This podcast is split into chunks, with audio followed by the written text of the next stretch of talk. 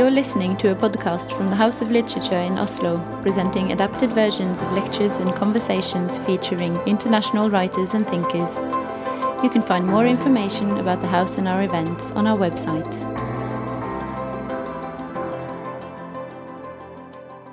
Good evening, everyone, and welcome to tonight's conversation. My name is Daniel Rökholt, and I work with the artistic program here at the House of Literature. It is my great honor and pleasure to introduce to you tonight's guest of honor, esteemed historian, professor, columnist, and author Ian Buruma. Having lived, worked, and held highly respected positions in several countries and across three continents, Buruma has unique insight into both Eastern and Western culture.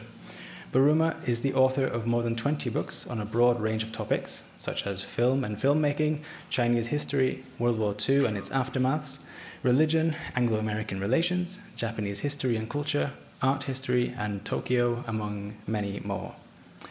Buruma joins us tonight to talk about his new book, The Collaborators, now out in Norwegian in Christian Rugstad's translation. The Collaborators is a triple biography, as it tells the stories of three absolutely fascinating people and the work they did as interlopers during times of immense conflict. All three individuals did what are conventionally seen as unforgivable acts against their country and countrymen, yet they all became the subjects of historical revisionism and mythologizing after the fact, at times being lauded as heroes.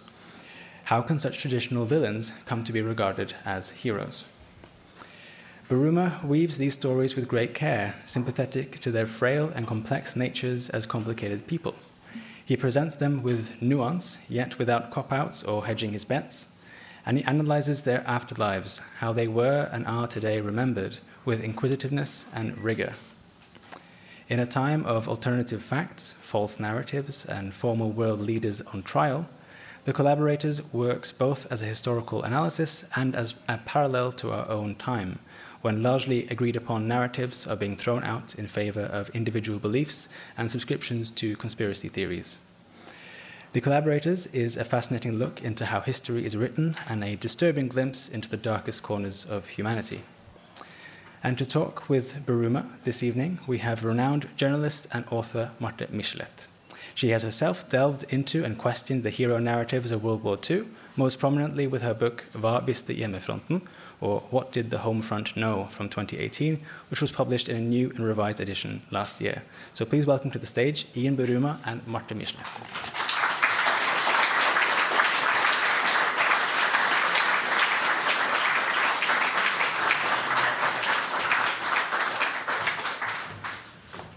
Thank you all for coming on a lovely sunny evening. I'm not sure I would have done this myself.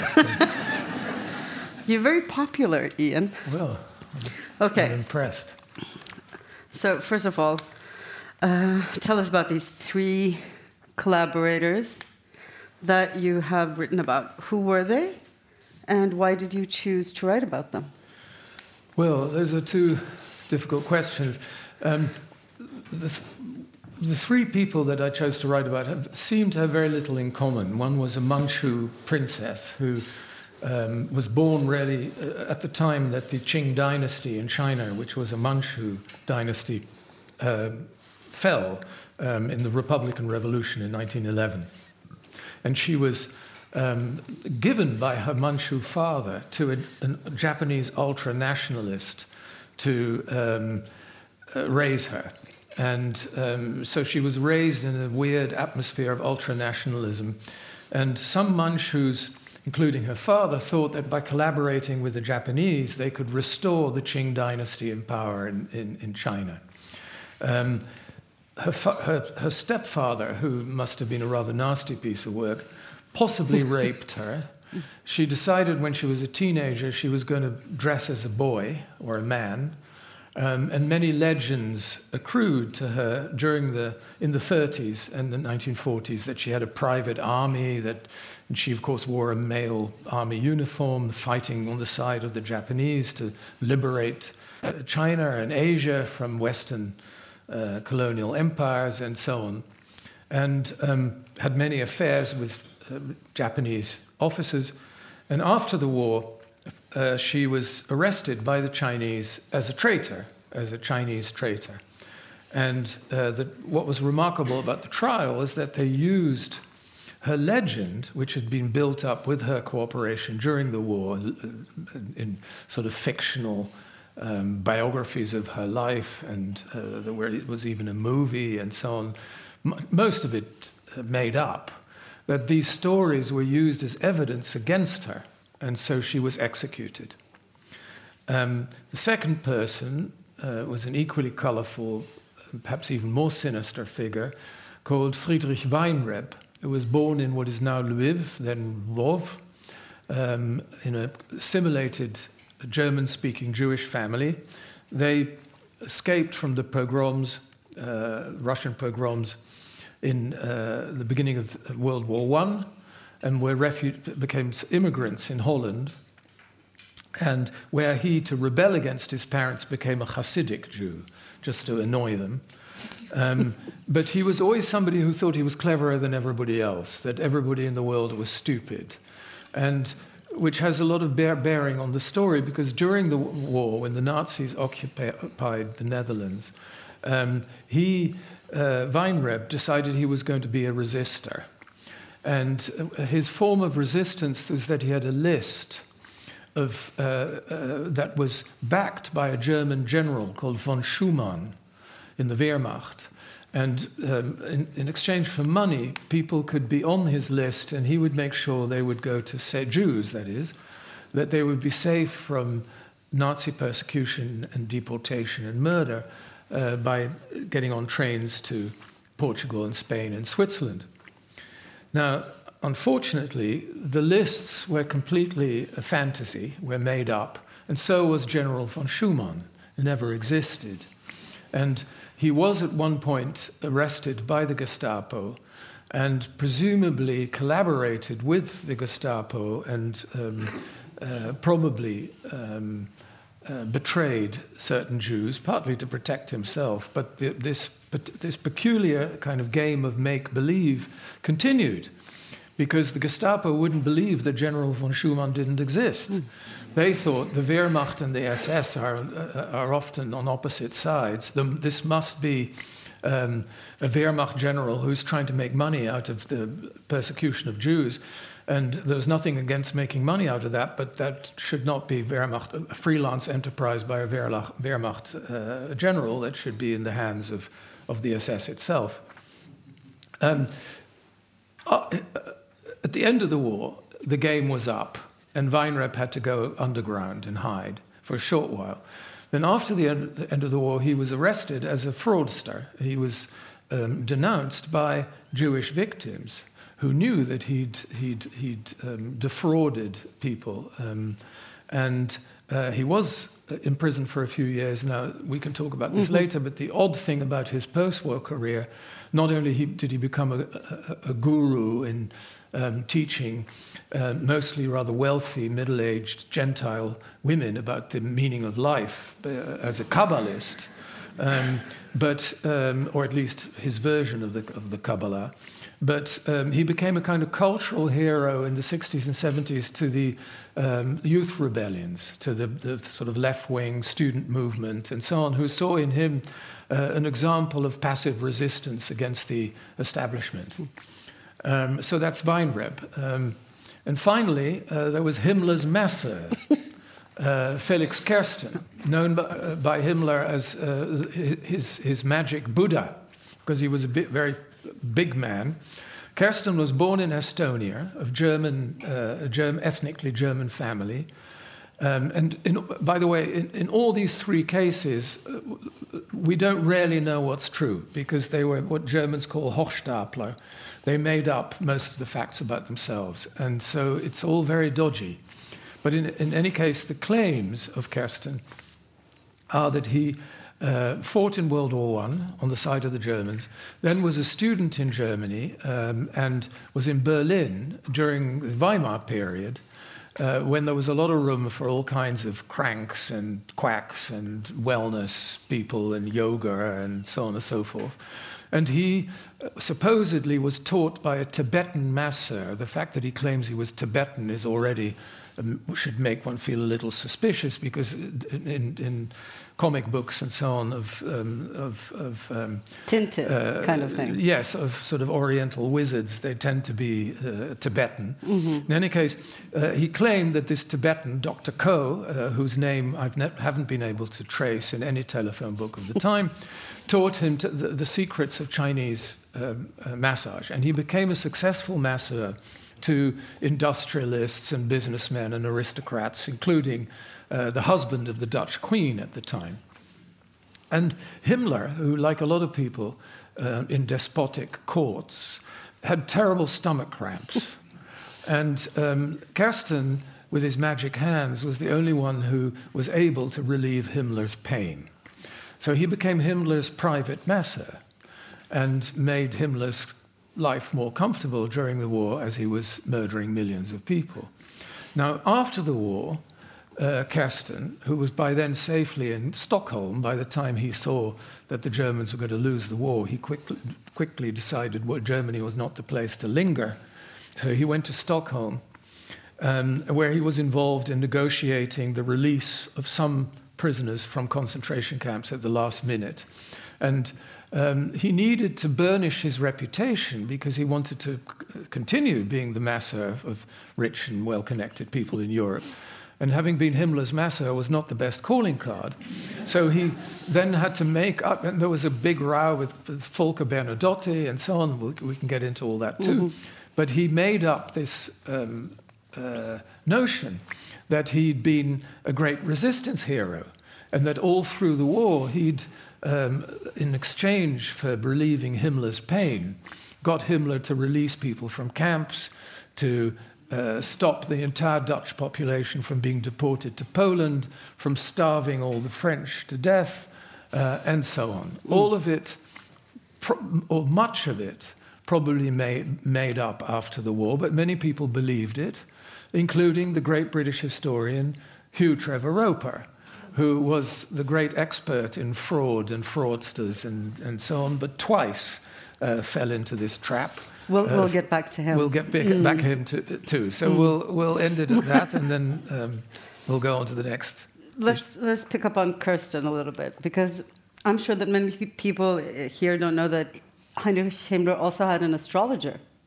Uh, well, and so did Himmler, so did Hitler, and so on. I mean, these courts there were rivalries uh, in these courts uh, between the astrologers, the doctors, uh, the masseurs, and so on. All of them people in very close proximity to these people with huge power, mm. which was a, a double edged thing because it meant that those people were dependent on them and often like you know rich women who used to confide in their, their hairdressers and so on were often confidants mm. the, and at the same time they were of course themselves very vulnerable because if something went badly wrong with these powerful figures their heads could be chopped off so there was a lot of rivalry uh, yes in, the, in these courts but can you uh, say a little bit more about the ideological component because there, it's seemingly at odds, uh, Nazism and the sort of New Age astrology, massage, uh, Eastern, Oriental, la la la. Yeah, not really. I, I mean, mean would were... Himmler have been uh, quite at home in the anti-vaccine movement? Probably. Yeah. Yeah, the anti-vaccine movement would have fitted perfectly in. in Explain in, that. In why that is. In, in, Third Reich thinking. Well, I mean, there were there, there were a lot of continuities of the more than one would think between the Weimar period and the Nazi period. And the Weimar period, of course, was, was a time of great uncertainty, upheaval, chaos, and so on. And in, in those times of crisis, people often seek for uh, answers to problems that frightened them um, in all kinds of occult ways. Mm. And um, Weimar Berlin was full of that. And there, were, there, were, there, was an Aryan yoga movement, which was very attractive to Nazis. Um, and there still is one. There was all kinds of yeah in weird of California. Of, uh, exactly, and all kinds of weird Oriental stuff. And um, uh, Himmler himself uh, had all kinds of strange ideas. I mean, he was a, keen student of Hinduism and had the uh, Bhagavad Gita in his pocket usually. And um, uh, so uh, that kind of um, mysticism uh, was part of, of Weimar and it was very much part of some Nazis. Now, many other Nazis thought Himmler was a crank. Mm. I mean, he uh, um, took this a little bit perhaps too seriously for the more cynical members of the Nazi regime, but it, it, it, it didn't come out of nothing. Mm. And, and he, was, he was a very sort of sentimental man in some ways, Himmler, uh, when, where he would feel like his his heartstrings for the Germanic race were being moved. And he, when he was in Norway, he heard an ancient Norwegian instrument called the langeleik, which caused him to, to break down in tears, according to many contemporary Yes, uh, sentimental is perhaps not the first word that would come to my mind when I think of Himmler, but the sentimentality. I'm, I'm talking on a sort of psychological well, sentimentality level. is mm. often the flip side of, of, of unfeelingness. Mm. I mean, it's displaced emotion. Mm. Um, I do describe a scene um, uh, when well, Kersten himself was there and Himmler and other Nazi uh, leaders were invited for a weekend of hunting mm. at the Schloss that had been given to von Ribbentrop by Hitler. And um, uh, Himmler got, was very sentimental about animals. And um, Kersten, who did like shooting birds and things, and Himmler said, How can you do that? These innocent creatures, and you're shooting them. They don't deserve to die. Mm. So Himmler uh, did have a, yes, you're right, he, he could be sentimental in, in, in certain peculiar areas. While he was uh, very busy orchestrating a mass murder. Yes, mm. he, he, was extremely busy uh, uh, as a mass murderer. That took a great toll on his nerves and his, and his health. And so uh, Kersten was, was, was often called um, to help him. And by the way, the stomach cramps um, are interesting because one of the best books written by, about a despotic court is by Mao Zedong's doctor, mm-hmm. Li Zhi.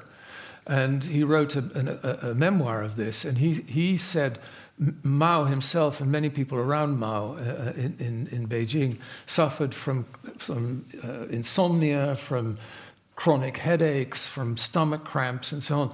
And he called it the communist disease, which is, of course, wrong. It's the, it's the, it's the totally, or, the dictator's disease, mm-hmm. because if you're constantly frightened that somebody's going to stab you in the back, you develop quickly uh, all kinds of psychosomatic symptoms. Yeah. You, you, you describe the, the inner circle of the Nazi uh, regime in, in sort of the end days as a cesspool of paranoia and dirty rivalry. And basically, a bunch of men that were looking for something magic to occur.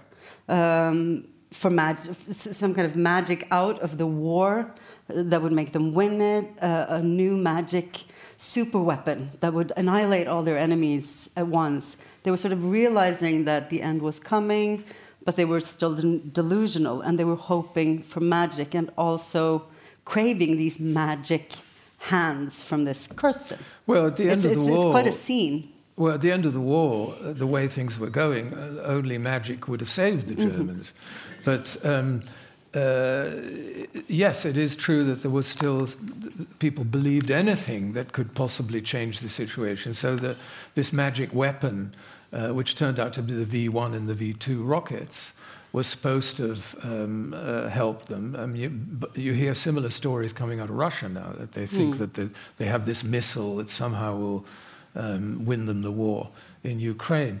But um, what Himmler was hoping was not so much magic. He had this notion that he could make a deal with the Allies, mm. and they would make him the head of Germany, and together with the Allies, they would fight the Bolsheviks and, and, uh, and the, the, the, Russians.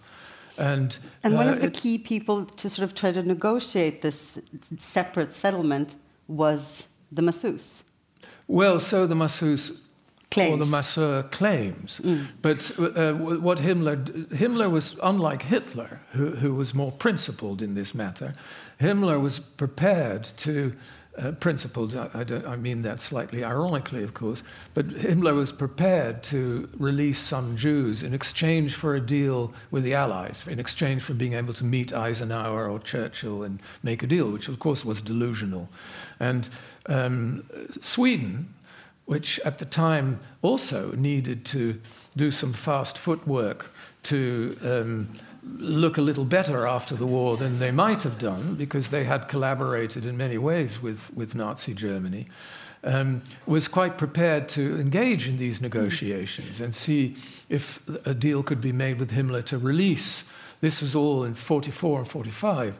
Uh, people from the camps in exchange for some kind of deal. And Folke Bernadotte, who was later assassinated in, in Jerusalem by uh, um, the Irgun, um, played a big role in this, but so did Kersten. I mean, mm. But how big is not quite clear. But Kersten was in Stockholm. He could be. He was a mediator between Himmler uh, and the Swedes uh, and the World Jewish Congress to see if some people could still be released in a last-minute mm. deal. And some people indeed were released. And should I tell the story of the meeting of Himmler and the?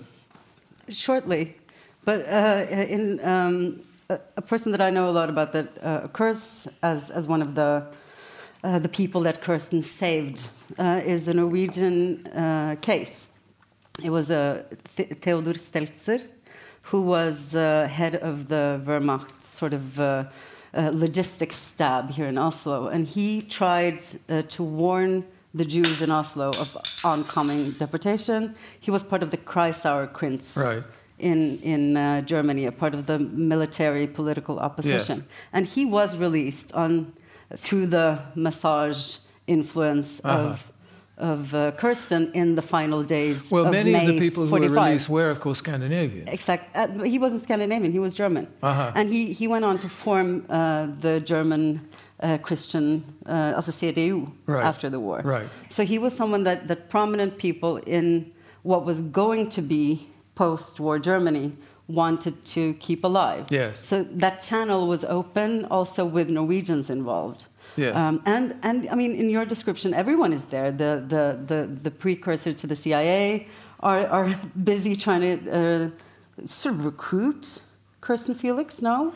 No, uh, I don't think you so. don't. Th you, th no. you think they thought him too untrustworthy? No, the, the CIA was called the SS OSS then. at that time, and I d- I mm. don't think that the Americans or the British ever engaged in direct negotiations with Himmler on anything. The, the, these were all initiatives uh, that came from Stockholm, mm. and um, because the, the Swedes wanted to um, basically get on better with the Allies mm. and, and, seem after the war as though they'd been on the right side. Um, and, uh, and the World Jewish Congress. And they tried to um, save people at the last minute, as many people as they could. Now tell that story. Well, yeah. so Kersten was the, uh, mi- the middleman between the Ju- World Jewish Congress in, in Stockholm and Himmler. And an extraordinary meeting took place, and this is not a legend, it really did, because the representative of the World Jewish Congress himself wrote a wonderful account of it. Uh, and I now can't remember his name, of course, but um, not Herzog and not Schwab, Never doesn't mind. matter. And so he flew into Berlin uh, with Kersten um, in the, right in the beginning of 1945. So the war was still going on, Berlin was still getting heavily bombed and so on. They arrived in um, Tempelhof Airport in Berlin, were met by SS officers. Wool uh, said Heil Hitler, whereupon the uh, representative of the World Jewish Congress doffed his hat and said, Guten Abend, meine Herren. And they went to Kersten's country house outside Berlin, where early in the morning Himmler appeared mm. and uttered the immortal words as he um, approached the World Jewish Congress man and said, I think it's perhaps time for our peoples to bury the hatchet. and um, and a, a, a, kind of deal was made, although Himmler insisted that the Jewish representative leave the room while they made the deal, mm. that some Jews were indeed released from certain camps right at the end of the war. So something did come out of that. But the problem was that after the war, the Swedes, wanting to burnish their reputation, claimed that it had all been the work of Bernadotte and wrote Kersten out of the record, whereupon Kersten wrote his memoir claiming to have been a great resistor, which so both stories are probably untrue. Have you been to Stockholm to talk about the book um, yet? No, I haven't. Okay, stay, stay no, away still, from I'm the still looking for a Swedish publisher. Point. They're not going to like it. Folke Bernadotte in Swedish mythology is very similar to how the resistance is in Norwegian mythology. is sort of the savior of the nation. Folke Bernadotte is the true expression Yes. of who the Swedes really were in World War II. Well, he wasn't so bad. The, the, no, no, was- he wasn't. There was another figure who was much worse, which uh, uh, was um, the industrialist. Um, oh God, Wallenberg. yes, Wallenberg, Raoul Wallenberg. uh, who'd made a lot of money out of the Nazis and also tried some quick maneuvering at the end of the war. And he was the was he the uncle or the cousin of the famous or Raoul Wallenberg? I, I, anyway, they were related. They were related. Yeah. Okay, uh, yes, definitely uh, mixed up the words there too. I'm, I'm, get, I'm going to be dement before you are, I think. Um, I- I'm mixing up all sorts of things here. But uh, before we, before we um, move on to some other topics, we, the one we haven't talked so much about yet, Weinreb, uh, the, the Jewish man who sold out his own and profited from it. I mean, this is one of the hardest stories to gi- digest in your in your book. Uh, bec- uh, and he not, not only did he sort of put people on on fake lists uh, for money, but he also sexually assaulted quite a lot of his uh, of well, his victims. he claimed, among his many false claims, he claimed to have been a medical doctor, and he forged a letter that he, from the University of Vienna saying he was a, a doctor, and he insisted on um, subjecting um, younger women, in particular, to medical examinations before they were eligible to be put on the trains, these imaginary trains, to safety. Um, but he didn't do this, I don't think, out of malice. Um, he did it really because he thought he was cleverer than everybody else. And, and he, he was a little bit, I, I compare him in the book, um, a little bit like Bernie Madoff. In that he, the bank. Uh, the, the, bank, the investment banker who had this pyramid scheme, and uh, he had a similar technique, which was when, uh, when people asked to be on his list, he said, I'm afraid there, there is no room anymore. And so it became a kind of status symbol to be on his list, in the same way that it was a status symbol to be on Bernie Madoff's list. And the fact that they refused people made it seem much more plausible. Um, so uh, it was a strange game he was playing. Some people have claimed that be, having been on his lists um, say, uh, uh, gave them a bit more time and that they were saved as a consequence. So it's, it's a mixed story, um, mm. but uh, that he caused many people to be victims, mm. is, or at least a number of people to be victims, is also pretty sure. So, so that why did he sort of become not a hero, but, but why did this new left of the well, 68 movement rally to his uh, well i'll uh, tell you he, cause? the, like in, in uh, probably it's the same story in norway i don't know. But in most countries the holocaust was not really a, a topic of much discussion until the 1960s. In Norway, not really until the uh, uh, 80s. When, no, when I was at primary school, the only stories you heard were of brave resistors and villainous collaborators, so good and bad. And you knew you couldn't buy sweets in a certain tobacconist because the woman there had, had had a German boyfriend and that kind of thing. So that was the story in the 50s. In the 60s, it began to change. And the first book written about the Holocaust, the history of the Holocaust in the Netherlands, written by a man called Jacques Presser, um, uh, made, came like a sort of bomb. Mm.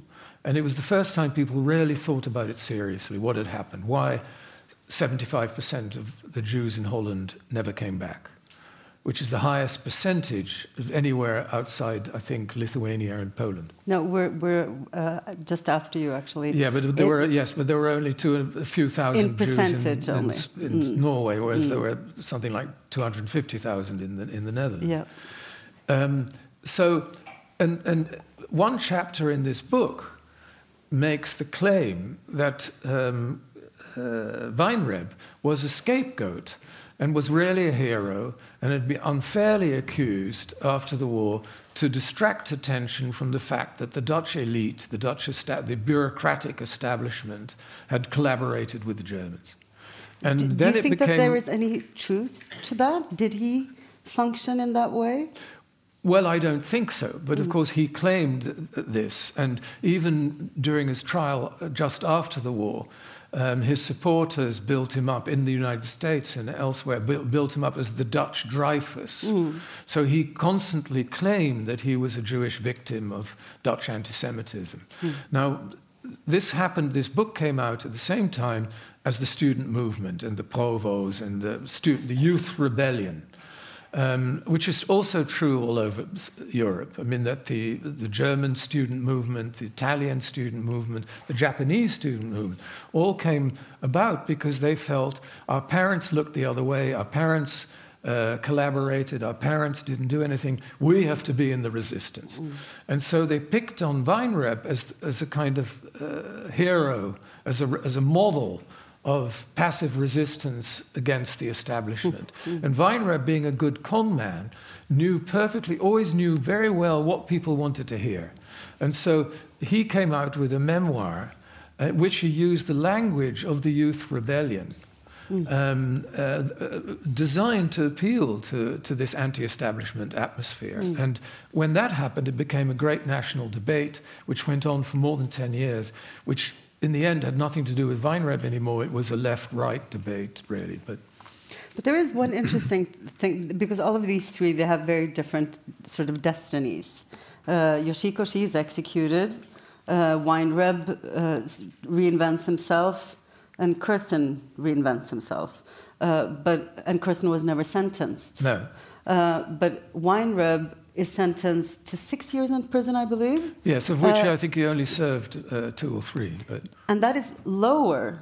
I mean, that punishment was lower than was it the commander of the Westerbork concentration camp? Yes, the command. Well, the commander of, of Westerbork, which was the transit camp on the the Dutch-German border, where all Jews deported from Holland passed through on their way to Auschwitz and and um, uh, Sobibor mostly um, were kept. And Gemmeker was uh, uh, one of these sort of ge- gentleman, gentlemanly, well, gentleman-like SS officers who were perfectly dressed and rather handsome. And some of the young women in the camp apparently were sort of in love with him. And he, um, he was always smiling, um, never got his own hands dirty, um, but was responsible for um, deporting up to 100,000 people to their deaths. Mm. But he always claimed after the war that he hadn't known what was going to happen to these Jews once they left Westerbork, which is, of course, the same defense as everyone else. Yeah, they had no but idea. You could, but because the court felt they couldn't prove that he'd mm. known, he got 10 years, which seems a very mild punishment. And, um, and he lived the rest of his life in Dusseldorf, where he came from, tended to by the same Jewish doctor who was the doctor in Westerbork. I mean, um, you're such a you're so good at finding those details that are so weird. Well, about everything that you write about, there life, is so much weirdness. Thank in goodness, this book. because otherwise we writers wouldn't have good stories. That's true, but this is still like very, um, very dubious, as you say, uh, dodgy characters, and the history writing around them has also been really dodgy. Um, let's take uh, Kersten as an example.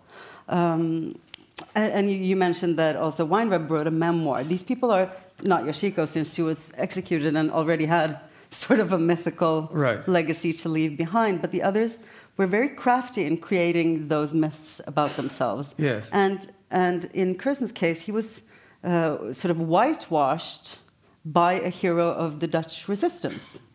Can you well, tell us no, about not, that? Not by hero, but he, uh, not by hero, but Kersten was very well connected. Mm. I mean, he knew uh, the, the European elite very well because he treated them before the war. Mm. And so the Dutch royal family were very grateful to him because he treated uh, the, the, the, husband of Queen Wilhelmina, um, who was the queen during the war. Um, and so they were already quite prepared to believe him mm. uh, and give him medals, even. Um, but I think, and this is purely speculation, I have no proof for it at all, but why did he get off so easily? I think it was because after the war, um, in order to rebuild countries, um, including Germany, but countries un- that had been ravaged by uh, occupation, you needed a, a many members of the old elites, the bureau- bureaucrats, the diplomats, the professors, the uh, people who, the bankers, and The so on. policeman. Mm. Yeah, and well, the policemen were perhaps less uh, uh, members of the elite, but certainly the bankers and the financiers and, and so on.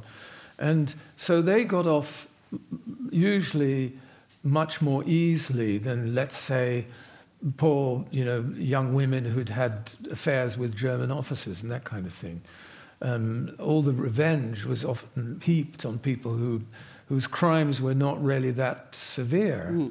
And Kersten, like, but, like good butlers, and, and, and uh, he was a perfect servant of the, of the elite. And he always knew what the elite wanted. He, he, he, he could uh, answer their wishes. He could speak to them and tell them what they wanted to hear, and so on. And as so, almost as a symbol of the of reviving the old European elite after the war, he was let off easily. But I don't think he was a war criminal, by the way. I mean, he he didn't kill anybody. He just made the life of a killer much more comfortable.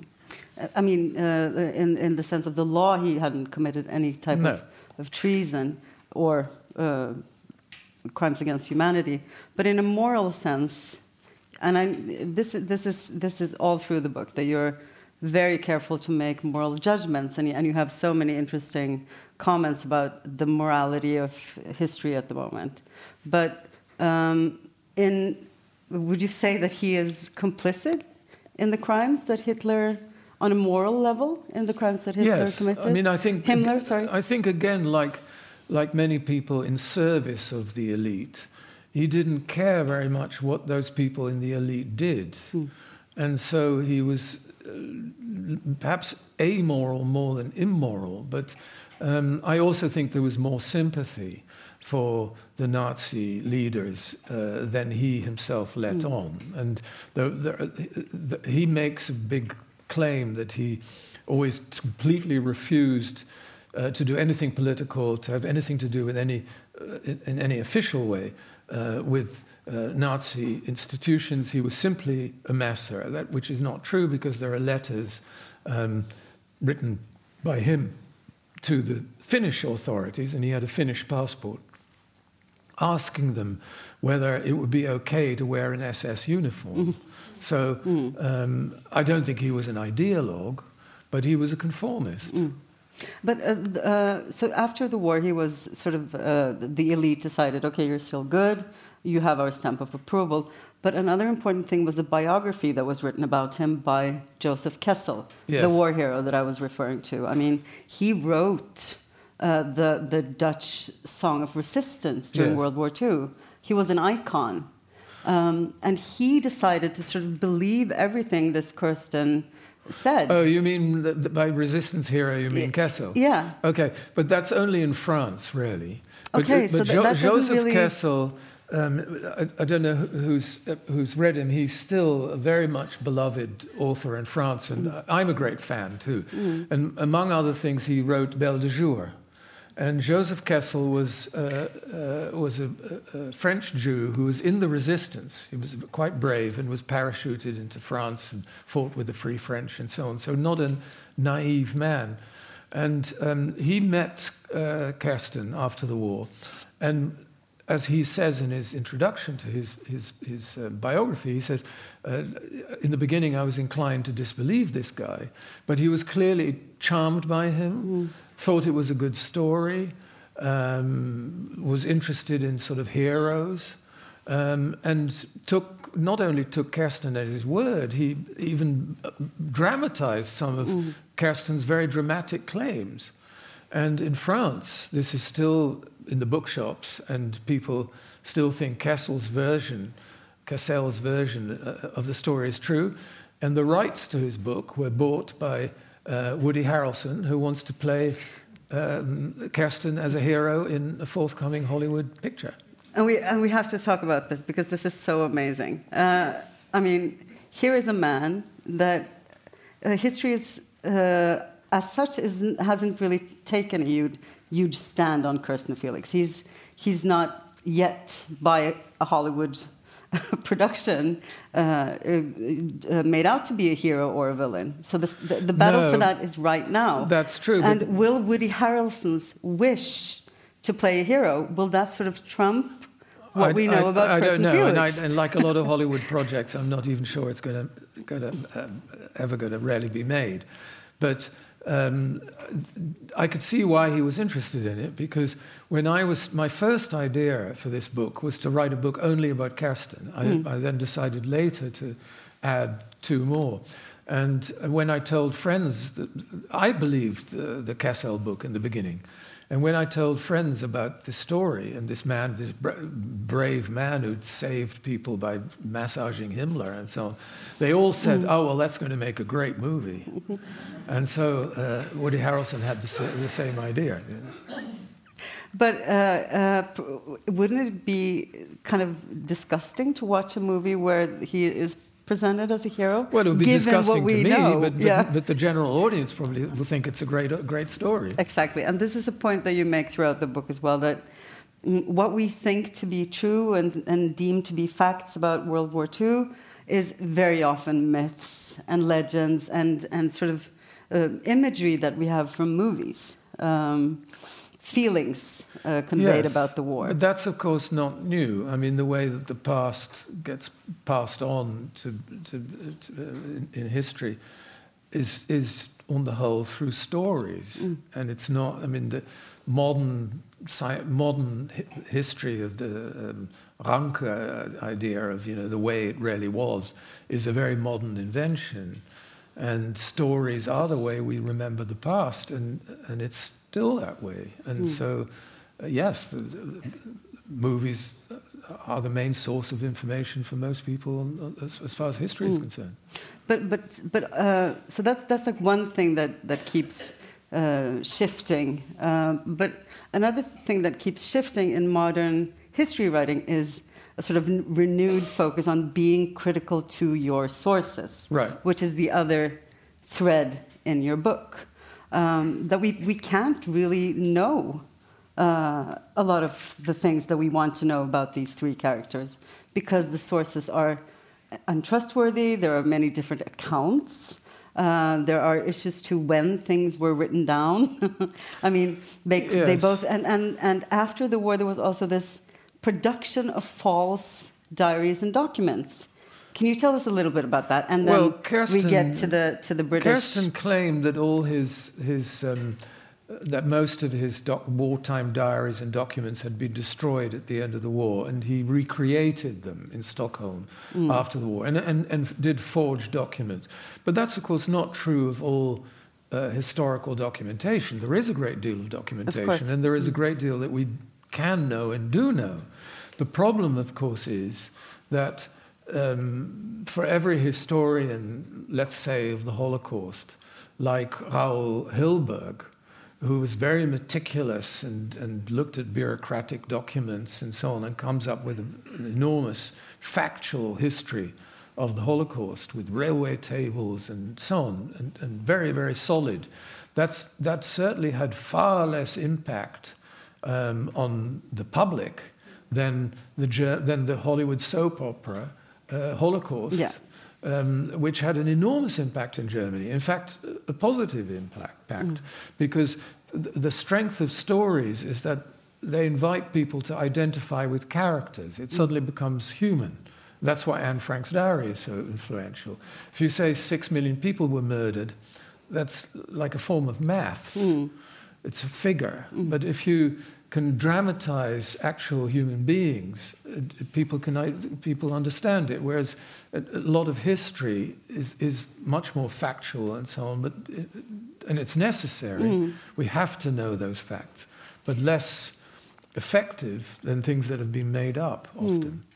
But but uh, just after the war, uh, additional opportunists sort of came out to sell documents that were from the Third Reich to people who were interested. I mean, um, you, um, I'm forgetting the name of the British historian you mentioned. Hugh Trevor Roper. Exactly.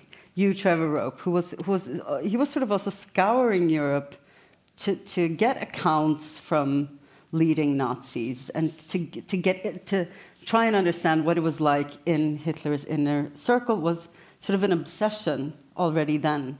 Well, Hugh Trevor Roper made his name as a young historian by going to Berlin um, in 1945 already and interviewing all the people who'd been in, in the bunker with Hitler, mm. his doctors and so on. And uh, The Last Days of Hitler was, was the result, which is still a very good book. Um, he, and he made a name as, as, as, somebody who really understood how to read documents and all that. So, what happened in, in his case is that somebody had forged um, Hitler's diaries, mm. and they brought him in. The Sunday Times um, and Rupert Murdoch um, got uh, um, Lord Dacre, as he was then called, as was, he, was since called, uh, into uh, very quickly um, vet whether these documents were reliable. And out of vanity, perhaps, or whatever the reason may be, he much too quickly concluded that they were okay. Mm. And then, just before it was going to go to press, the Hitler diaries um, uh, in the Sunday Times, he, caught, uh, he had second thoughts mm. and he hmm. said, Well, no, perhaps uh, actually it's not quite right. And Rupert Murdoch was told about this. And um, excuse my language, but his um, response was, Fuck Dacre. And they published it. And um, Hugh Trevor Roper, or Lord Dacre's uh, reputation never recovered, even though he was a great historian. We're already running out of time. This is horrendous. But before we let you go, I think I would be, I'm, I'm sure that a lot of people in the audience have read many of your other books about all of the issues that you are an expert at at the same time. and I think that we, I would be really amiss if I didn't ask you to just say something about the current situation. Um, where we can't just sit and talk about the war when there is another war happening in Europe right now. Any thoughts you would like to share with us well, I'm, I'm not, on the Ukrainian no, situation? I, have always prided myself on not being an expert on anything. So, uh, I mean, and, that, and, I mean that not just in a self-denigrating way, but if you're not an expert, you, you, you, always have to do your best to know more about things. Mm. Um, so I'm not really an expert. Um, on the Ukraine, I, have never been there. I, I, I, have no special insights, and as a journalist, I don't feel I don't really feel I really should go to countries where I don't have anything special to special knowledge to give give people fresh insights. But one thing I can say, which did impress me. Um, that from what I read, there are certain parallels with subjects such as this one mm. that I mm. wrote a book about. And an article that impressed me very much uh, was uh, appeared in the New Yorker magazine by somebody called uh, Josh Yaffa, and it was about collaboration. Mm. And what he was describing is a, a small town um, that had been Ukra- that was Ukrainian, and that was invaded and taken over by the Russian army. Um, and everything collapsed, of course, all social services and so on. And so certain Ukrainians had to collaborate with the Russians simply to keep people fed, make sure they could see a doctor if they were in bad shape, and, and, and so on. They, they had no choice. And then, when the same town was retaken by the Ukrainian army and the Russian army was chased away, these people were uh, arrested as collaborators. And that shows you how often, how many gray areas there are here. And that it, that's why I say that, you know, I think one shouldn't be too quick with moral condemnation if you don't really know the situation people are in. So there are clearly collaborators who are cynical and who do it because they can make money or they want power and so on. There are others who are naive and deluded. There are uh, people who are ideologically fanatical, but there are also people who are in that sort of gray zone where whether, whether to collaborate or not to collaborate is not such an easy question. Mm. I think that's a perfect ending, actually, to this hour that we got to spend with you. Thank you so much. Thank you.